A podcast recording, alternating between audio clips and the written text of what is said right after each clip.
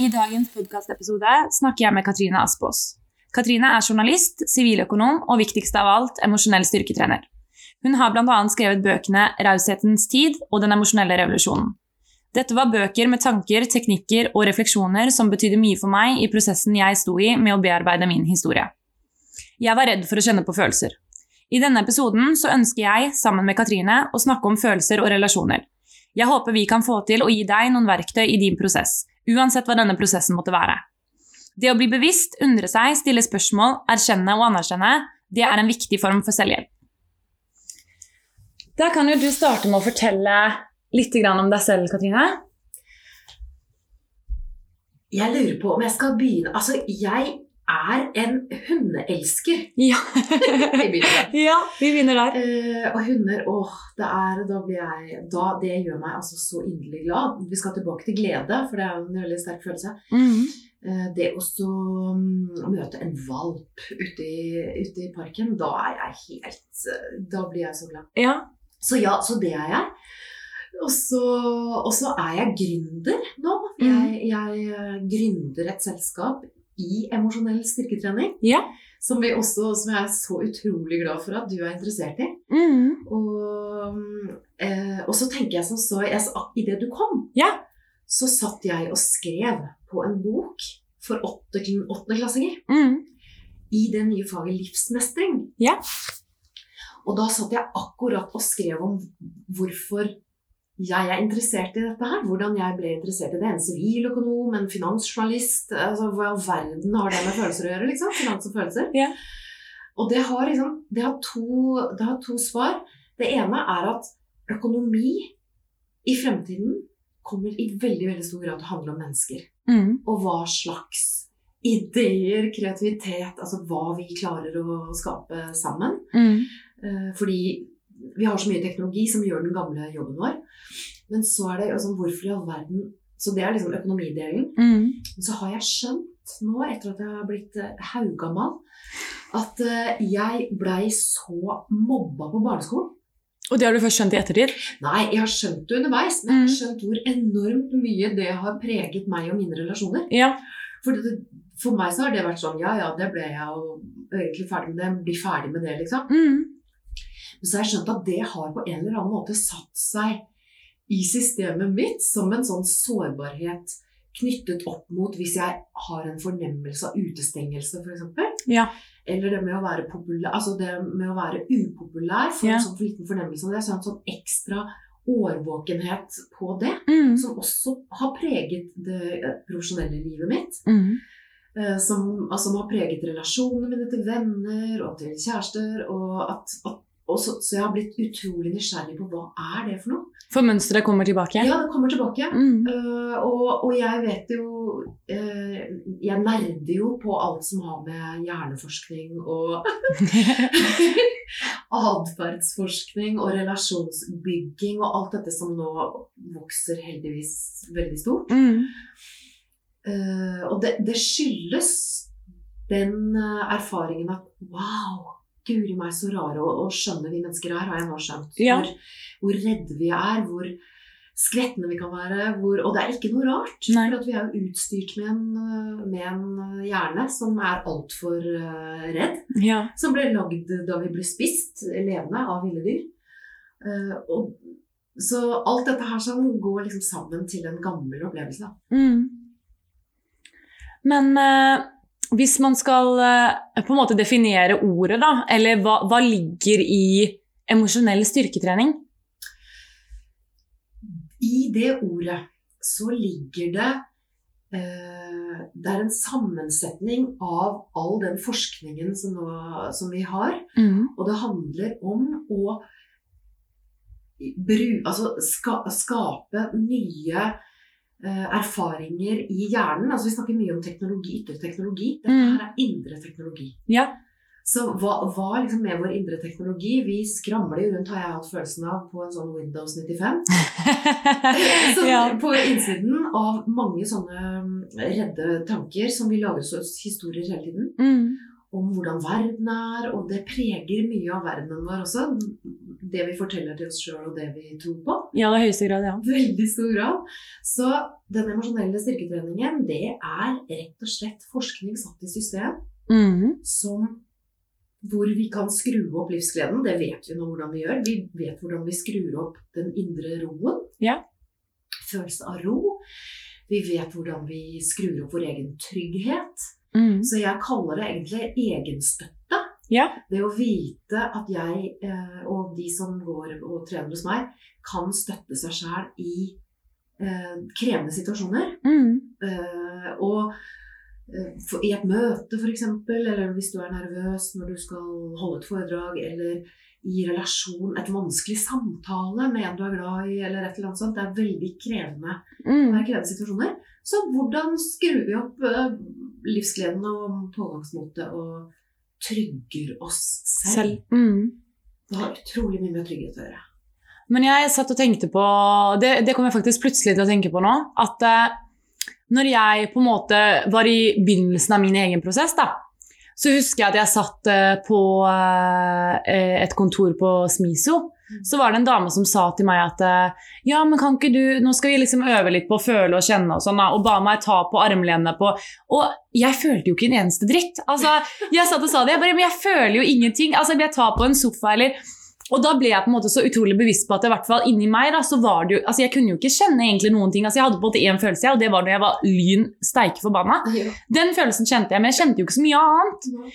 Um, og jeg trodde jo da selvfølgelig at eh, Nei, men ok, da er du en tapt sak. Ja, altså da, da var dette ødelagt. Det må jeg bare, det, da må jeg innfyre meg med det, og så, sånn er jeg, på en måte. Mm. Men eh, har du noen liksom gode eh, For jeg vil jo tro at i hvert fall mange som har vært utsatt for spesielt store traumer, da, som incestovergrep og sånn, det er nok ikke en unik situasjon for meg at jeg ikke var i stand til å føle følelser. Men jeg klarer ikke selv å komme med noen gode ord på hvordan man kan på en måte få bedre kontakt med følelsene sine. Om, det noen, om du tenker om det er noen teknikker, eller om det er noe man kan Mm. gjøre altså, for å få noen gode ord på det. Ja. Og allerede her så kan jeg bare understreke så tydelig at det jeg bidrar med ute i verden, og det mange med meg, eller Mm. den emosjonelle styrketreningen, det er, eh, det er forebyggende, det er styrke Jeg driver med styrketrening i bedrifter, og, og det, er ikke, det er ikke terapi, ikke sant? Mm. Så veldig mye av de store traumene altså Jeg har selv gått i terapi med kjempestor nytte. Mm. Så jeg anbefaler jeg alle som har et eller annet som eh, de tenker at å herlighet, jeg har opplevd noe Om det er mobbing eller om det er et eller annet som Mm. noen har gjort Mm. som er en kre stor krenkelse, da, Mm. så er det kjempelurt og sunt og bra å gå til terapi. Mm. Mens det jeg eh, jobber med.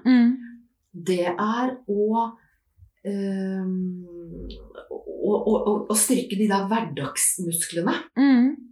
til å uh, Til å tørre å snakke med andre mennesker. Mm. Eh, våge å tro at andre er snille. Mm. Ja, Altså, absolutt. Ja.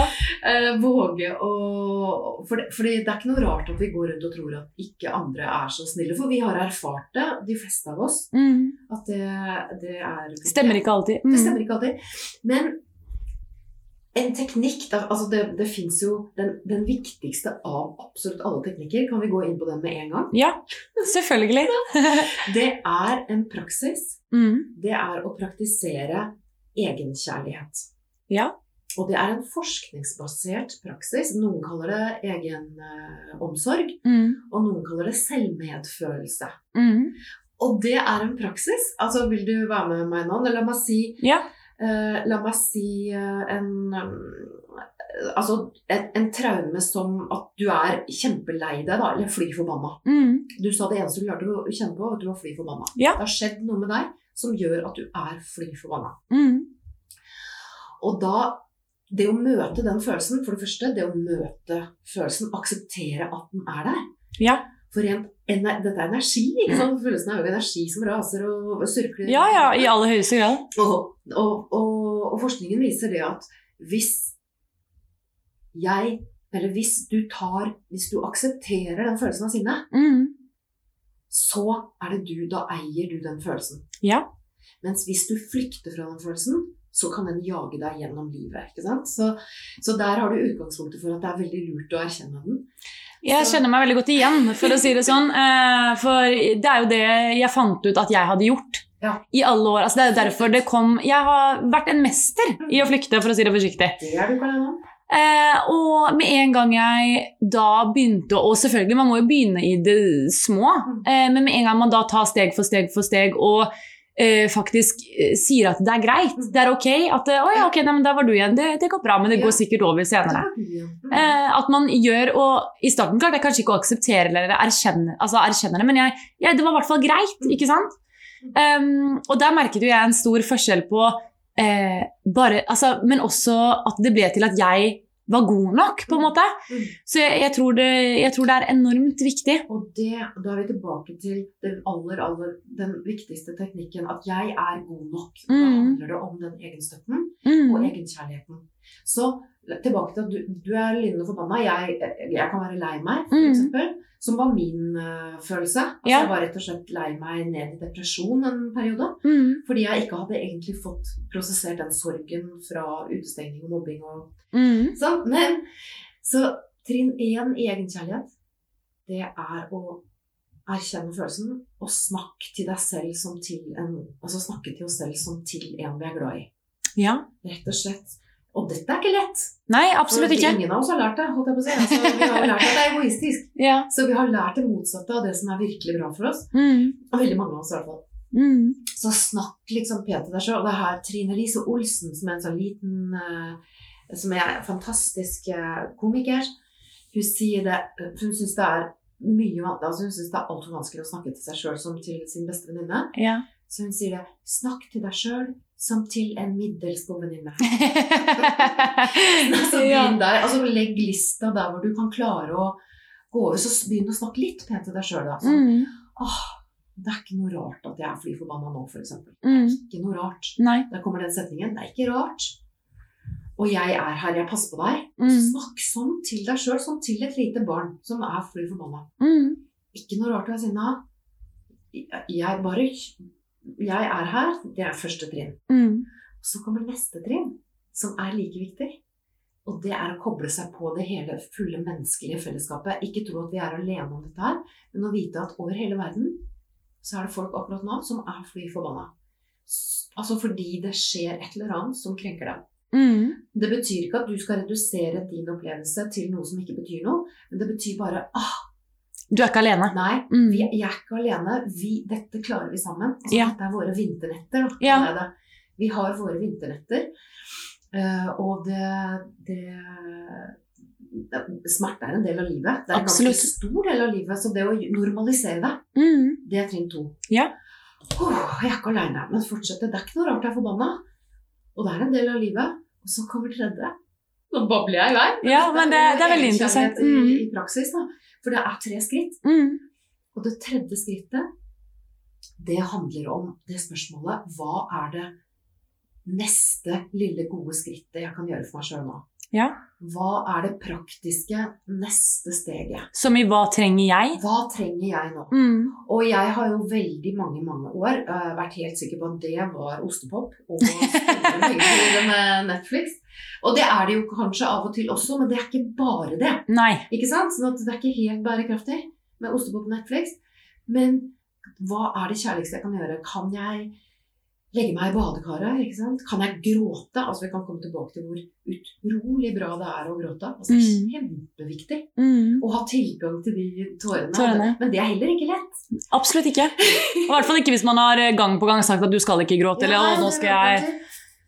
Så, men å vite det, hva, hva er det kjærligste jeg kan gjøre? Kan jeg gå ut i parken? Håper jeg treffer en valp? Eh, Kan jeg ringe til noen som eh, jeg Eller kan jeg rett og slett bare akseptere at akkurat nå så suger livet? Mm. Sitte her og la dette her bare få rase gjennom kroppen. Mm. Fordi forskning på følelser viser at det, er, det varer ikke lenge når vi aksepterer følelsen å være der. Nei. Så hvis du kan si liksom sinne, sinne Altså si følelsen høyt to ganger. Mm. Eh, smerte, smerte, ensomhet, ensomhet, Uh, så får følelsen uttrykk. Det blir satt ord på den. Mm. Det er litt sånn trollet kommer ut, og så poff. Mm. Jeg sier ikke at det er poff for en gang for alle, men, men dette er en måte å håndtere sterke følelser, Følelser på. Mm.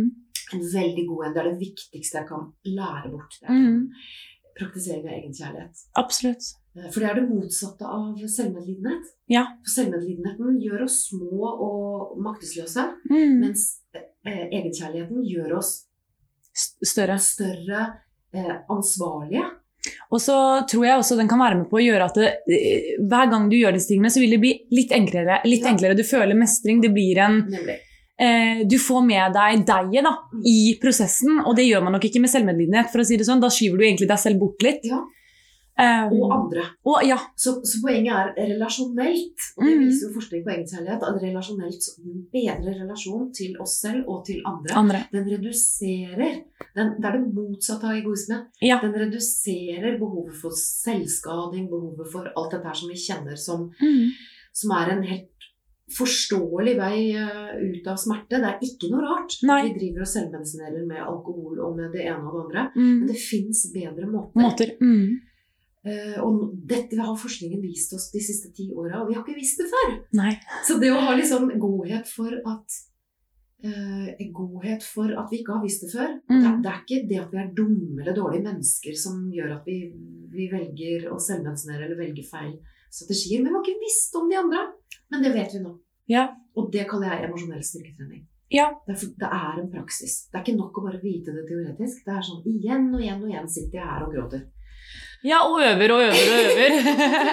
Og og så er det jo ganske mange følelser som kommer i løpet av en dag hvis man faktisk er bevisst. Ja. For man får jo reaksjoner og eh, tanker og alt mulig på egentlig alt som skjer. Altså Ja. Som du sier, fra å møte en valp i parken til om du ikke rakk trikken.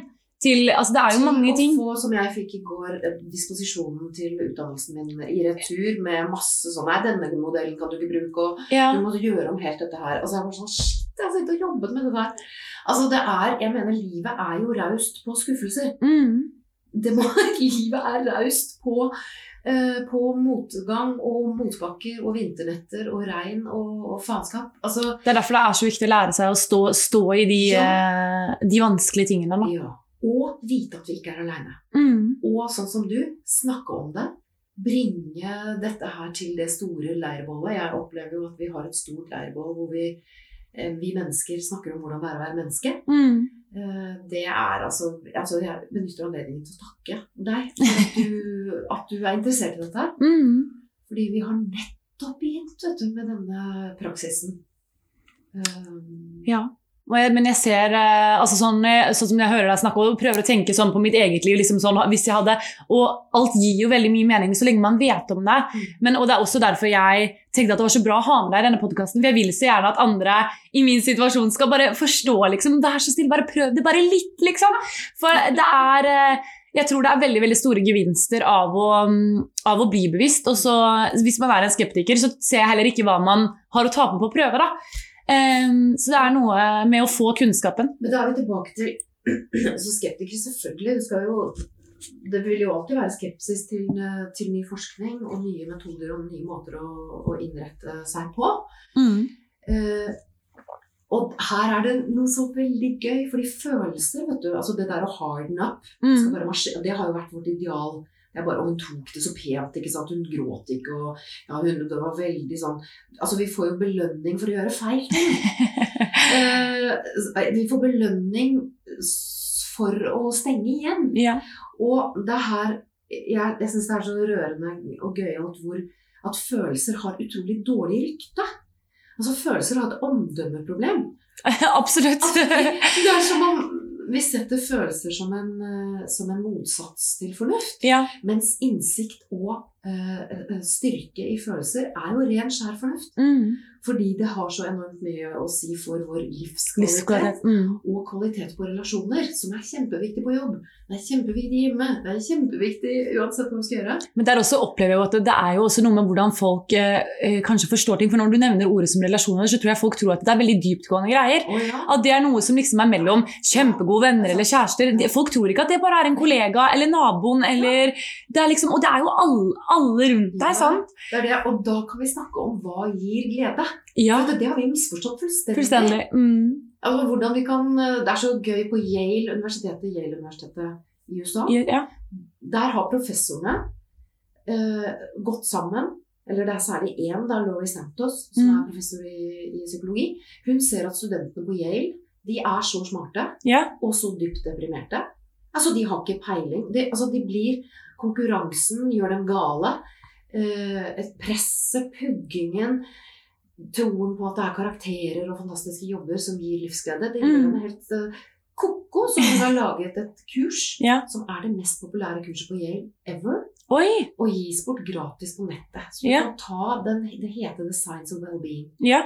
Nå, det var bare reklame for det kurset. Mm. Men dette er jo satt i system, og det vi blir så kjempeglade av, det er nettopp de relasjonene du snakker om, de mikromøtene Mm. med naboen. Mm. Med ungen til eh, og den lille valpen. Mm. Med sånn som i går, som jeg traff en sånn bitte liten en gutt som drev og trente fotball.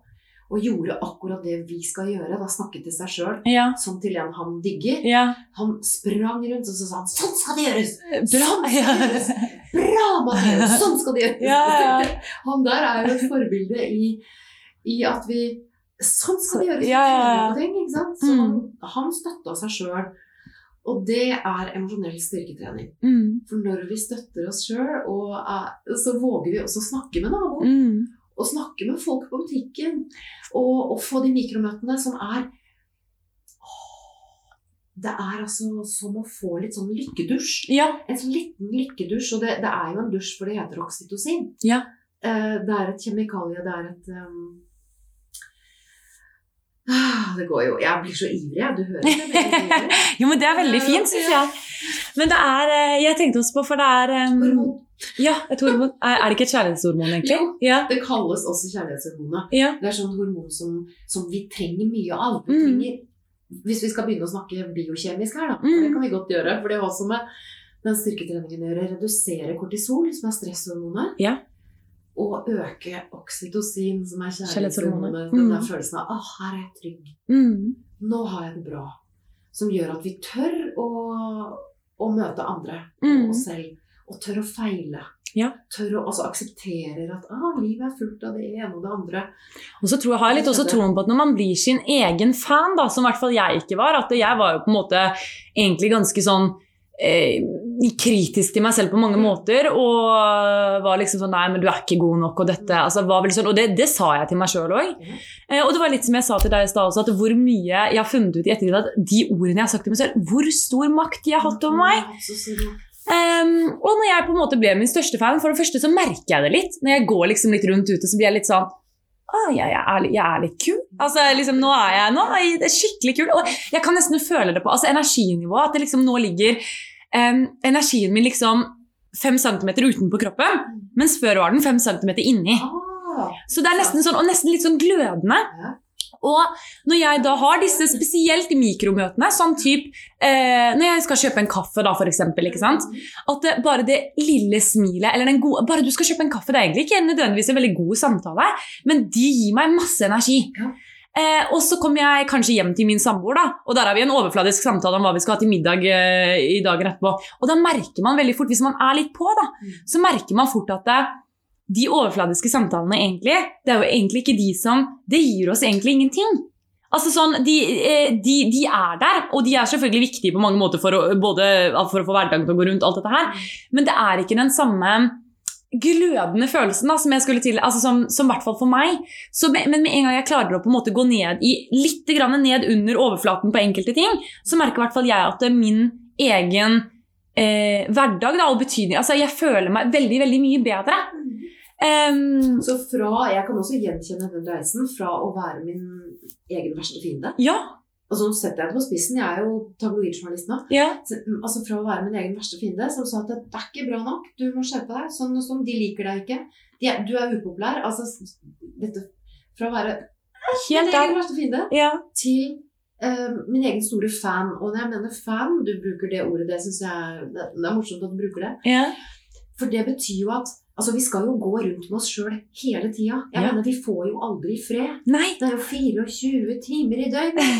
Så, altså, så det å faktisk gå rundt og tenke å, så heldig jeg er som får lov til å være sammen med meg, Mhm. altså det er en veldig mye bedre måte å leve på. Men når jeg sier det, så opplever jeg at folk tenker men herregud, for en egoist du er. Ja, ok. Og da, det er klart at det, altså, vi, har jo, vi, har jo, vi har jo sosiale regler som gjør at, at vi har eh, tentaklene utenfor andre mennesker. Mm. Men det er bare det. Altså Den egoismeantakelsen er feilslått fordi at det mest egoistiske jeg kan gjøre, mm. det er å gå og behandle meg sjøl dårlig. Ja. For da behandler jeg Andre dårlig. også. Mhm. Så det, det egentlig kjærligste viser av denne forskningen på egenkjærlighet, det er å behandle meg sjøl så bra Mhm. at jeg har tålmodighet til å høre på andre. Mhm. Jeg er nysgjerrig på andre. Jeg, eh, altså, jeg, jeg har lyst til å lære av andre. Jeg lytter til og med til de som er uenige med meg, de som er dypt uenige med meg. Mm. Altså, da har jeg mye større grunnmur til å få til det som forskningen viser skaper et godt liv. Absolutt. Så dette handler om livskvalitet. Mm. For jeg opplevde også spesielt da når jeg ga ut bok og sånn som podkasten min og foredrag og sånne ting også, så var det liksom sånn Men da var det, har jeg jo møtt mange som liksom sier men, men hvorfor liksom vil du deg selv så vondt som dette her, og hvorfor, hvorfor du, vil du aldri bli ferdig med dette? er det mange som på en måte spør meg. Ja. Men så sa jeg at vet du hva?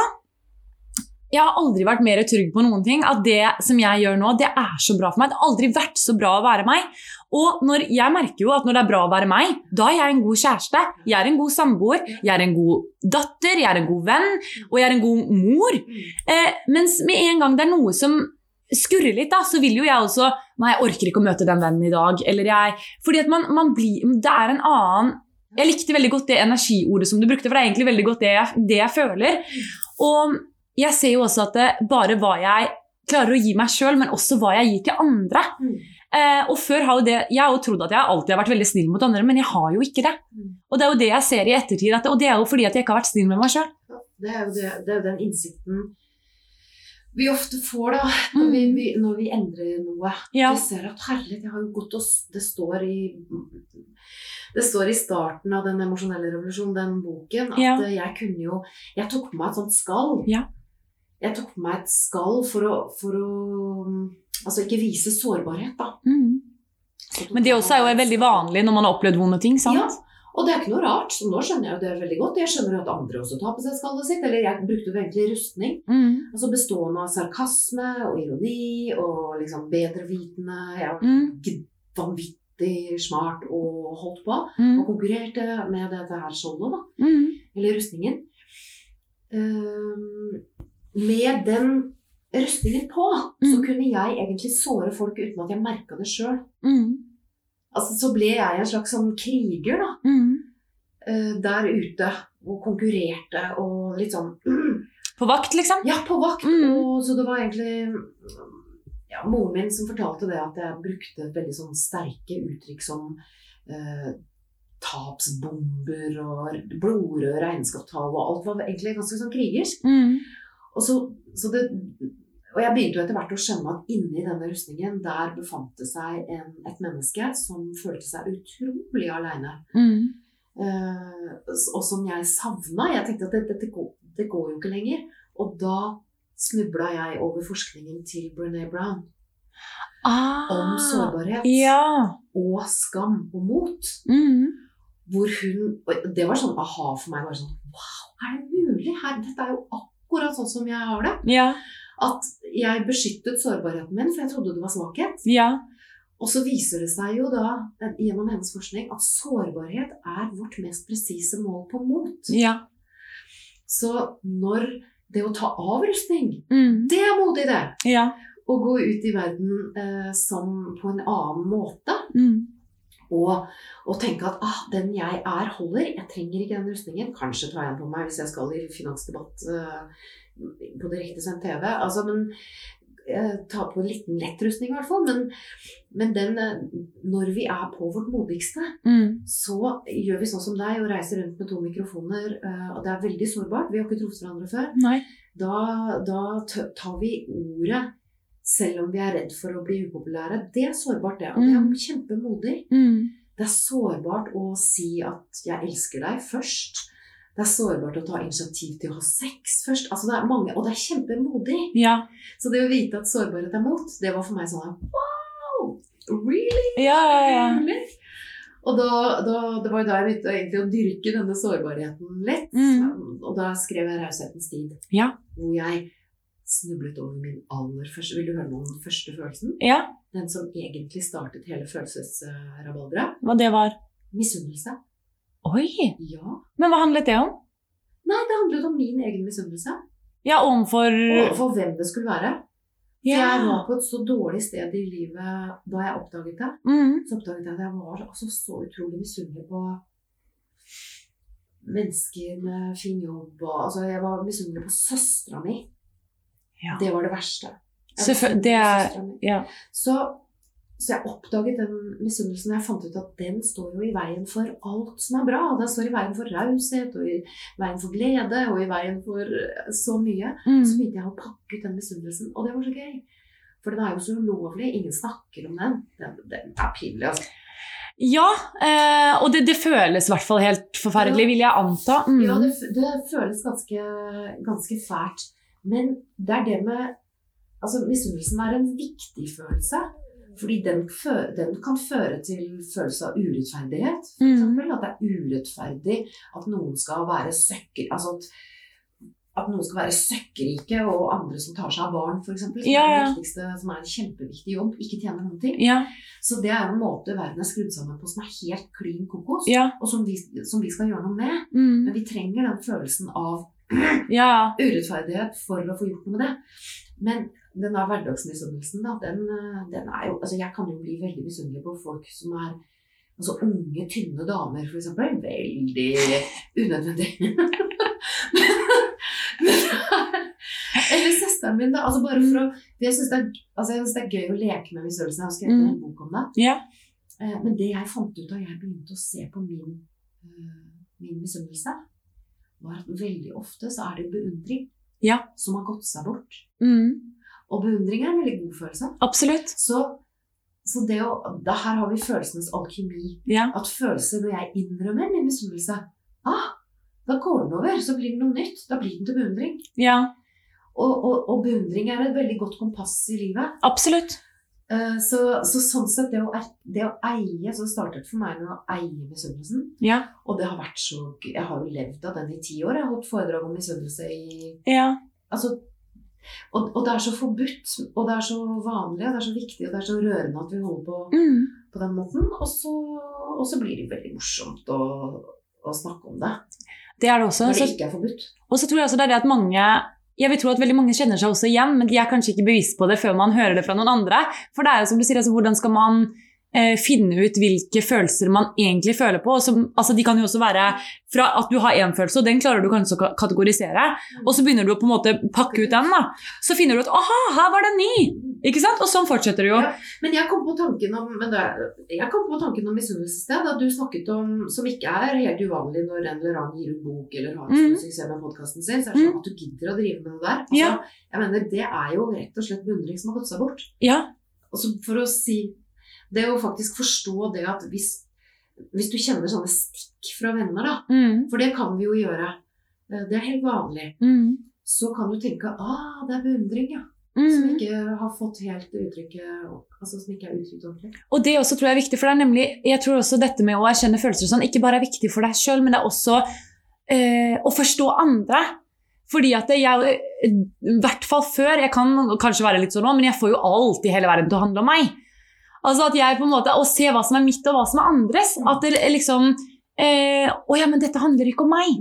Det er ikke her det ligger, liksom. Det er ikke mitt. Eh, og det også har vært en veldig sånn Jeg er sikker på at det er ti tonn som har letta seg fra mine skuldre fordi jeg ikke skal hele tiden ta hånd om alle andre. Ja. Um, og det også er en kunst, tror jeg, men jeg føler jo i mye større grad, sånn som du sier, at når jeg um, får en kommentar eller som jeg opplever som stikk, da, Mm. så kan jeg heller spørre nå kanskje men hva handler det om, eller hva tenker du om det? For da skjønner jeg med en gang, fortell mer om det. For da skjønner jeg at aha, det her er ikke noen som ønsker egentlig å være slem, eller at det er noe vondt med det. Men det kan være For eh, bak det med 'hvorfor gidder du dette her med den podkasten', så var det sånn 'men herregud, så mye du har fått til på et Ja. halvt år'. Ja. Og da skjønte jo jeg at aha, men her er det noe annet. Det er, det, det er ikke jeg som er et dårlig menneske, eller 'oi, burde jeg ikke gjøre dette', eller begynne å betvile. Så vi er jo også ganske stygge mot hverandre når vi er stygge med oss sjøl. Det er det vi er. Og når du da gjør det lure som er å sjekke ut, fortell Mm. mer om det, Mm. istedenfor å si 'hva mener du?' Ja. Ikke sant? Så Eller bare bli lei seg, ta det Ja. innover seg og være sånn 'å nei'. men det er emosjonell styrke. Mm. Det er å ta ansvar for 'ah, Guri, det kjente jeg, det gjorde litt vondt'. Mm. Og så spiller du 'hva mener hun med det?' Og så stille spørsmålet til da han hva, Fortell mer. Ja, Det er, fortell mer, det er to utrolig viktige viktige ord. Mm. Fortell mer om det. Mm. så får vi mer informasjon. Fordi hjernene våre er topptrent på antagelser. Vi går og antar Og konkluderer på andres vegne. Ja, ja, ja. Og det er ikke noe rart, for hjernen vår er, lever av historier og lever av å sette ting i system og skal holde oss trygg. Mm. Sånn at vi, men når vi sjekker ut Du, ja, la meg sjekke ut med deg. Hva, nå hørte jeg deg si det og det. Mm. Hva, var det riktig, eller hvor, hvordan? Kan du fortelle mer om det? Ja. Det er viktig i relasjonsarbeid. da. Absolutt. Men kan jeg si én ting som er det mest Altså veien ut av Den aller mest effektive veien ut av eh, Hva skal jeg si Ut av bekymring Mm. og sånne tåketanker og uh, Får jeg til det? Eller egentlig negativt selvsnakk. Og, Ja, gjerne. Absolutt. Så når du kjenner en tåke av bekymring komme, som jo egentlig er visualisering av uønsket resultat, har jeg lært av en psykolog Ja. Altså, Bekymring Mm. det er å se for seg uønsket resultat. Det trenger jo ikke drive med. Det er jo egentlig helt bakvendt når man sier det. Ja, ja, Jeg har ja. ikke lært det før, ikke sant? Nei. Så det å se for seg eh, ønsket resultat isteden. Mm. Veien dit, det er å praktisere takknemlighet. Ja. Og det høres så banalt ut, og det, jeg er nødt til å si da den setningen i dette emosjonelle arbeidet, Mm. at det banale er det sentrale. Ja. Altså Akkurat som i trening at du løfter vekter, det er ganske banalt det også. Eller løpe liksom for å få Hjerte- hjertefrekvensen opp. Det er banalt Mm. og utrolig sunt. Det samme er det med disse emosjonelle øvelsene Ja. som å praktisere takknemlighet. Mm. Det er liksom 250 kilo beinpress Mm. når det gjelder å skru opp eh, livsglede. Ja. Så kjenner du sånne kaskader Jeg jeg tenker på de som hører på også. Mm. Altså deg som hører på her nå. Når du kjenner den kaskaden av noe sånn bekymring for om det er for et barn eller et kjæledyr eller foreldre eller deg sjøl eller en eksamen eller Så liksom ta og tenk Ah, takk for at jeg kan sitte her med en kopp te. Altså ta de enkleste, enkleste tingene. Praktisere takknemlighet. Takk for ah, at jeg kan gå ut i parken og hilse på en hund. Takk for at jeg har tak over hodet. Altså, takk for uh, Jeg har det sånn Ofte takk for at hunden min har fast avføring. Ja. Jeg havner ofte der. Ja. Takk for hvilken som helst takknemlighetstanke. Mm. Så swatch, så kommer det ut av den bekymringen Mm. og inn i noe som bygger eh, nye synapser i hjernen. Altså vi får nye Vi lager nye motorveier Mm. oppi hjernen som gjør oss gladere, tryggere, eh, mer tillitsfulle, eh, mer kjærligere. Og, og det er jo dette vi ønsker oss i livene våre. ikke sant? Men jeg synes Det er så morsomt at du sier dette her nå, for jeg, jeg har slitt enormt med tillit, og i aller høyeste grad sjalusi også. Så jeg måtte begynne hver dag skrev jeg opp i en bok, det har jeg nå snart gjort i tre år. Og da skrev jeg opp liksom, jeg prøvde med tre ting, jeg greide ikke det på starten, da, for det var, jeg synes det ble veldig fjoste til å begynne med. Men nå så skriver jeg, hver eneste dag skriver jeg fem ting jeg er takknemlig for. Og plutselig så er jeg ikke like sjalu. Jeg har mer tillit. Mm. Jeg har, fordi at det, det, jeg merker forskjell, men jeg, ikke på noe med en gang. Eh, og det er mange ganger jeg har tenkt at å herregud, for et fjås. Dette er så tull. Dette er så teit, og jeg er den rareste personen på den i jord. Og samboeren min sa det også, bare henger du opp flere lapper her i huset nå? Så jeg orker ikke. Det, er, det står 'du er fin' overalt her. Jeg, jeg orker ikke dette her, liksom. Så sa jeg men jeg trenger å liksom Ja. skriv at du er fin da. Ja, men det er det jeg har gjort. Jeg skrev at 'du er fin', men det er jo til, egentlig til meg sjøl, da. Ja. Men eh, jeg sa jeg mener det litt til deg òg. Nei da. Men, og han sa at Men så tror jeg egentlig, fordi det gikk en tid, Mm. Og så merker jeg at han ser litt lengre på de lappene. Så det er jo, jeg ser jo at selv om han da kanskje ikke har døra like mye åpen som det jeg har, så ser jeg jo at verdien er jo der. Og det er det som er veldig interessant også, for jeg var veldig sånn hvordan man kan, altså Sjalusi også er en veldig fæl følelse å si at vet du, hva, men jeg er sjalu. Jeg syns hun liksom Hun er jo fin og flott, og spesielt i parforhold, da, eller med venner for den saks skyld. Jeg har en venninne også som er eh, veldig, hun, er, hun er veldig søt, syns jeg, da, men det er, eh, hun blir veldig veldig sjalu hvis jeg er med noen andre litt lenger enn med henne. Eller at jeg liksom ikke så, kanskje svarer på telefonen med en gang fordi noen andre liksom har fått den plassen. Så veien ut av sjalusi også. Ja, det, og den er skammelig å si, og i hvert fall når det er liksom sånn Ja, men jeg er redd for det. Og det er jo det jeg finner ut, at det, for meg har det handlet om redsel. Eh, og at jeg ikke er god nok. Men så utspringer det seg sjalusi, da. Mens med en gang jeg greier å være takknemlig da, og heller finne takknemlighet rundt det jeg er kanskje sjalu for, da, eller redd for, så er det en sånn derre Takk for at du har denne gode venninnen. Ja! Da blir Ja? Det er veldig veldig fantastisk. Altså, derfor jeg synes det er så morsomt. fordi eh, dette visste jo egentlig ikke jeg. Dette var noe jeg prøvde ut, eh, prøv, prøvde ut selv, bare for jeg fant noe Det også var en Jeg husker ikke i farten, men en, en eh, forskning fra statene. Eh, og så tenkte jeg sånn, ja, jeg får nå gjøre det, liksom. Og jeg satt i et halvt år og bare For noe fjås, liksom! Dette her, det er tøys! Men det er så viktig, og jeg tror også det å prøve ting som funker for seg. For det er ikke, altså, det vil ikke funke med en gang. Og man må øve. Det er som du sier, det er som å gå på Det er trening. praksis. Det er, Mm. det er rett og slett praksis. Ja. Og jeg, jeg har jo Altså, kleinhetsbarometeret Ja. er jo veldig høyt. Det skrur seg veldig fort høyt på Mm. når vi driver med emosjonell styrketrening. ja. For det er jo ikke kult. Det er mye kulere å gå rundt med rustning og bare yeah! Ja, altså, er tøffest i gata, liksom. Du er Mm. mm. tøffest i gata. Poen, men poenget er at Og det er veldig gøy, det sånn til selskapsbruk og, og innimellom til karneval. Men hver- hverdager er det flest av, da. Det å liksom bo inne i den eh, rustningen der, den kule rustningen, det viser jo også forskningen at det er veien til uh, veien til isolasjon og dype depresjoner, altså. Det, Ja. er å, uh, det er å gå rundt med en sånn Det vil ikke altså, gå i lengden. Nei, være kul, være eh, usårbare. da. Mm. At det, det er veien til perfeksjonisme og til selvskading og til alt. Alt mulig, ja. Nei, så, men jeg tror også det er så viktig å liksom se at man klarer å koble liksom alle disse tingene til um, Som vi har snakket om nå, da. Til veldig mange ulike temaer. At den, den, samme, altså den oppskriften som vi har snakket om nå, da, den kan man jo bruke til alt fra eh, naboen til jobben til et dypt, dypt traume som, eh, som eh, seksuelle overgrep, f.eks. Ja. Så det er liksom ehm, Jeg har egentlig bare lyst til å si start nå! Vær så snill, bare start! snill, Start nå. Og jeg, da kan jeg, kan jeg fortelle da at du kan starte, på, du kan starte nå. Mm. For jeg, jeg brenner jo så for dette her og har lyst til at alle skal få det bra med seg sjøl og andre. Mm. Så jeg har laget et gratis kurs Ah, som ligger ute. ja. Som er en uke. Som du bare googler emosjonell styrketrening. yeah. og legger igjen e-postadressen, så får du eh, et, en uke, altså én e-post hver dag med metode, med tips, med forskningen Mm. fra Yale og fra Harvard. Og veldig sånn enkle treningsmetoder.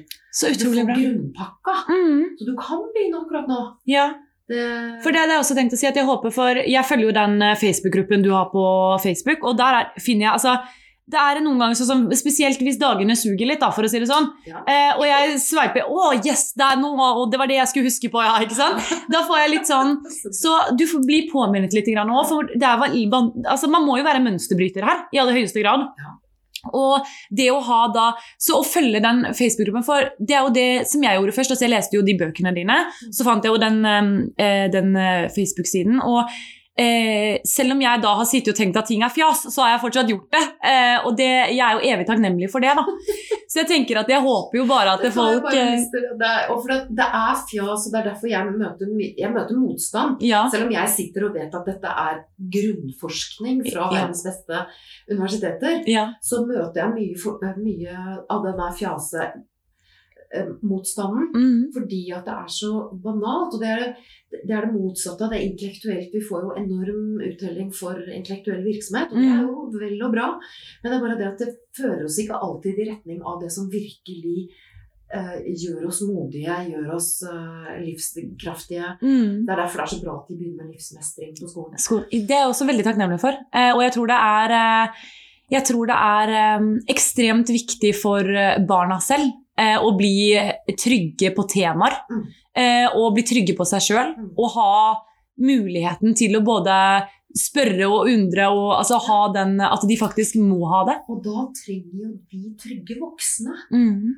Og vi er ikke trygge voksne Å nei, ennå. langt Og det er ikke noe rart. Det er det er der jeg liksom gi den setningen som er aller, aller viktigst for Mm. å er, liksom akseptere at åh, guri meg, det er ikke Vi har ikke kommet lenger, og det er den setningen Det er ikke noe rart. Nei, Ikke noe rart at vi ikke har satt denne treningen i system ennå. Mm. Fordi den er så ny og annerledes. Mm. Den bryter så fundamentalt med gamle normer om å klappe igjen og marsjere videre og få på seg rustningen og gå, som nå viser seg at bak der så krakelerer jo veldig mye. Ja.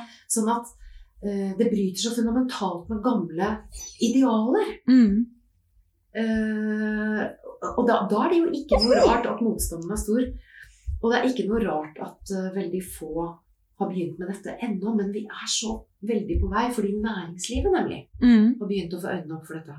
Ja, Fordi det er så bra for business. Selvfølgelig. Very, very good for business. ja. Den, det som er aller, aller mest Altså den følelsen som står i veien for bra team og innovasjon, som alle eh, snakker om. Menneskelige egenskaper, tenker jeg. Ja, det Ja. er én følelse, Og det er og det er skam. Ja. Frykt og skam. Skam over å ta feil, gjøre feil, eh, si noe feil i Mm. sånn at du ikke blir invitert til lunsj. Altså sånn Men det så jeg faktisk en forskning på nå også. Forskjellen på altså Hvorfor er det så liten innovasjon i Norge kontra i USA f.eks.? Og da ble det dratt opp, men det var ikke akkurat ordet skam som var brukt, men det var nesten sånn at du skjønte eh, hva som lå bak det, på en måte. Da. Og det var spesielt frykten for. å være utenfor. Ja, Ta feil. ta feil. Eh, og, og tørre, rett og slett. At, eh, og så var det også litt den derre 'hvem er jeg' i den store sammenhengen, på en måte. Det er, ikke, det er liksom ikke blitt så populært kanskje å være den brautete, litt sånn eh, med spisse albuer, og tro på deg sjøl, da. Nei, og hvert fall du, altså, Men så er det det igjen at den brautende med spisse albuer, det er ikke veien å gå, da, ifølge Nei. næringslivsforskningen. Mm. Det var det før. Mm. Vi var veldig opptatt av konkurranse og prestasjon. Mm. Nå er vi opptatt av eh, team. Mm. Altså for team er så ekstremt mye mer effektive. Gode team kan oppnå helt utrolige resultater. Mm. Så det å, eh, det å ha én solospiller, det er litt sånn kontraproduktivt. Ja. Men det at alle i et team kjenner seg, og her er den forskningen som, som viser at følelsen av psykologisk trygghet ja. i en gruppe og, og, og de definerer Google, da, som har gjort undersøkelsen, definerer psykologisk trygghet som her kan jeg være sårbar og feile. Her Ah. kan jeg være sårbar og feile. ja. Fordi det er ikke mulig å bedrive innovasjon uten å være sårbar og er og feile. Mm. Eh, Så, så hvis, hvis det er en kultur der av folk som liksom himler med øynene og sier 'det har vi prøvd før', og, altså hvis det er kultur, Mm. så er det en gruppe som blir veldig Det er ikke noe hyggelig å være der. Og ikke finner de på bra nye ting heller. Nei. Så det å opp Det blir jo et destruktivt miljø, rett og slett. Det er emosjonelt. Ja. Og det skjønner jo næringslivet nå. Og derfor kommer denne bevegelsen da fra dette talltransaksjonen Mm. til relasjonen i næringslivet, og fra, eh, fra sånn, konkurranse til samarbeid, Mm. gå, er, er en, og fra mistillit, Mm. eller fra fryktkultur til tillit. Det er store bevegelser, men det tar jo tid, fordi vi vi vet ikke ennå helt hvordan vi skal sette den tryggheten i system. Og så men vi er i gang ja, med den emosjonelle styrketreningen. Som er det Absolutt. Mm. Nei, det er veldig, veldig interessant. Så, men jeg tror um, Jeg tror uh, vi, vi kan avslutte der. Og så tenker jeg at uh, de uh, kan um, søke på emosjonell styrketrening på f.eks. Uh, Google. Ja. Og få, da får man jo et, en ukes gratis kurs der. Mm. Og så eventuelt sjekke ut også de eh, bøkene som jeg nevnte, bl.a. i introfasen. Og så finnes det jo, altså det er jo bare å google navnet ditt, egentlig, så kommer vel det meste opp, eh, tenker jeg. Eh, og så vil jeg også bare si tusen takk for at du ville være med i podkasten og bidra med alt dette fantastiske. Og at jeg er veldig veldig takknemlig for at du tok deg tid til det. Eh, og at det betyr veldig veldig mye for meg, i hvert fall. Så utrolig hyggelig Mm. å ha besøk av deg, og at du er interessert i dette. Din generasjon skjønner jo Mm. dette mye bedre enn min. Men kan jeg si én ting til, til eh, deg som sitter og hører på. Eh, For det første, liksom, takk for at du sitter og bruker din dyrebare tid på å høre på eh, noe som er nytt og annerledes. Og takk for at du er interessert i dette her. Og lov meg én ting, og det er å være god og tålmodig med deg selv. Altså vær god og tålmodig med deg selv gjennom alle følelser, gjennom dagene dine. Eh, når du begynner så smått å orientere deg emosjonelt og bli nysgjerrig på følelsene, så og så er du mye, mye, mye sterkere enn du tror. I aller høyeste grad. Ja. Det, er det, altså. Mm. Så takk for meg. Takk.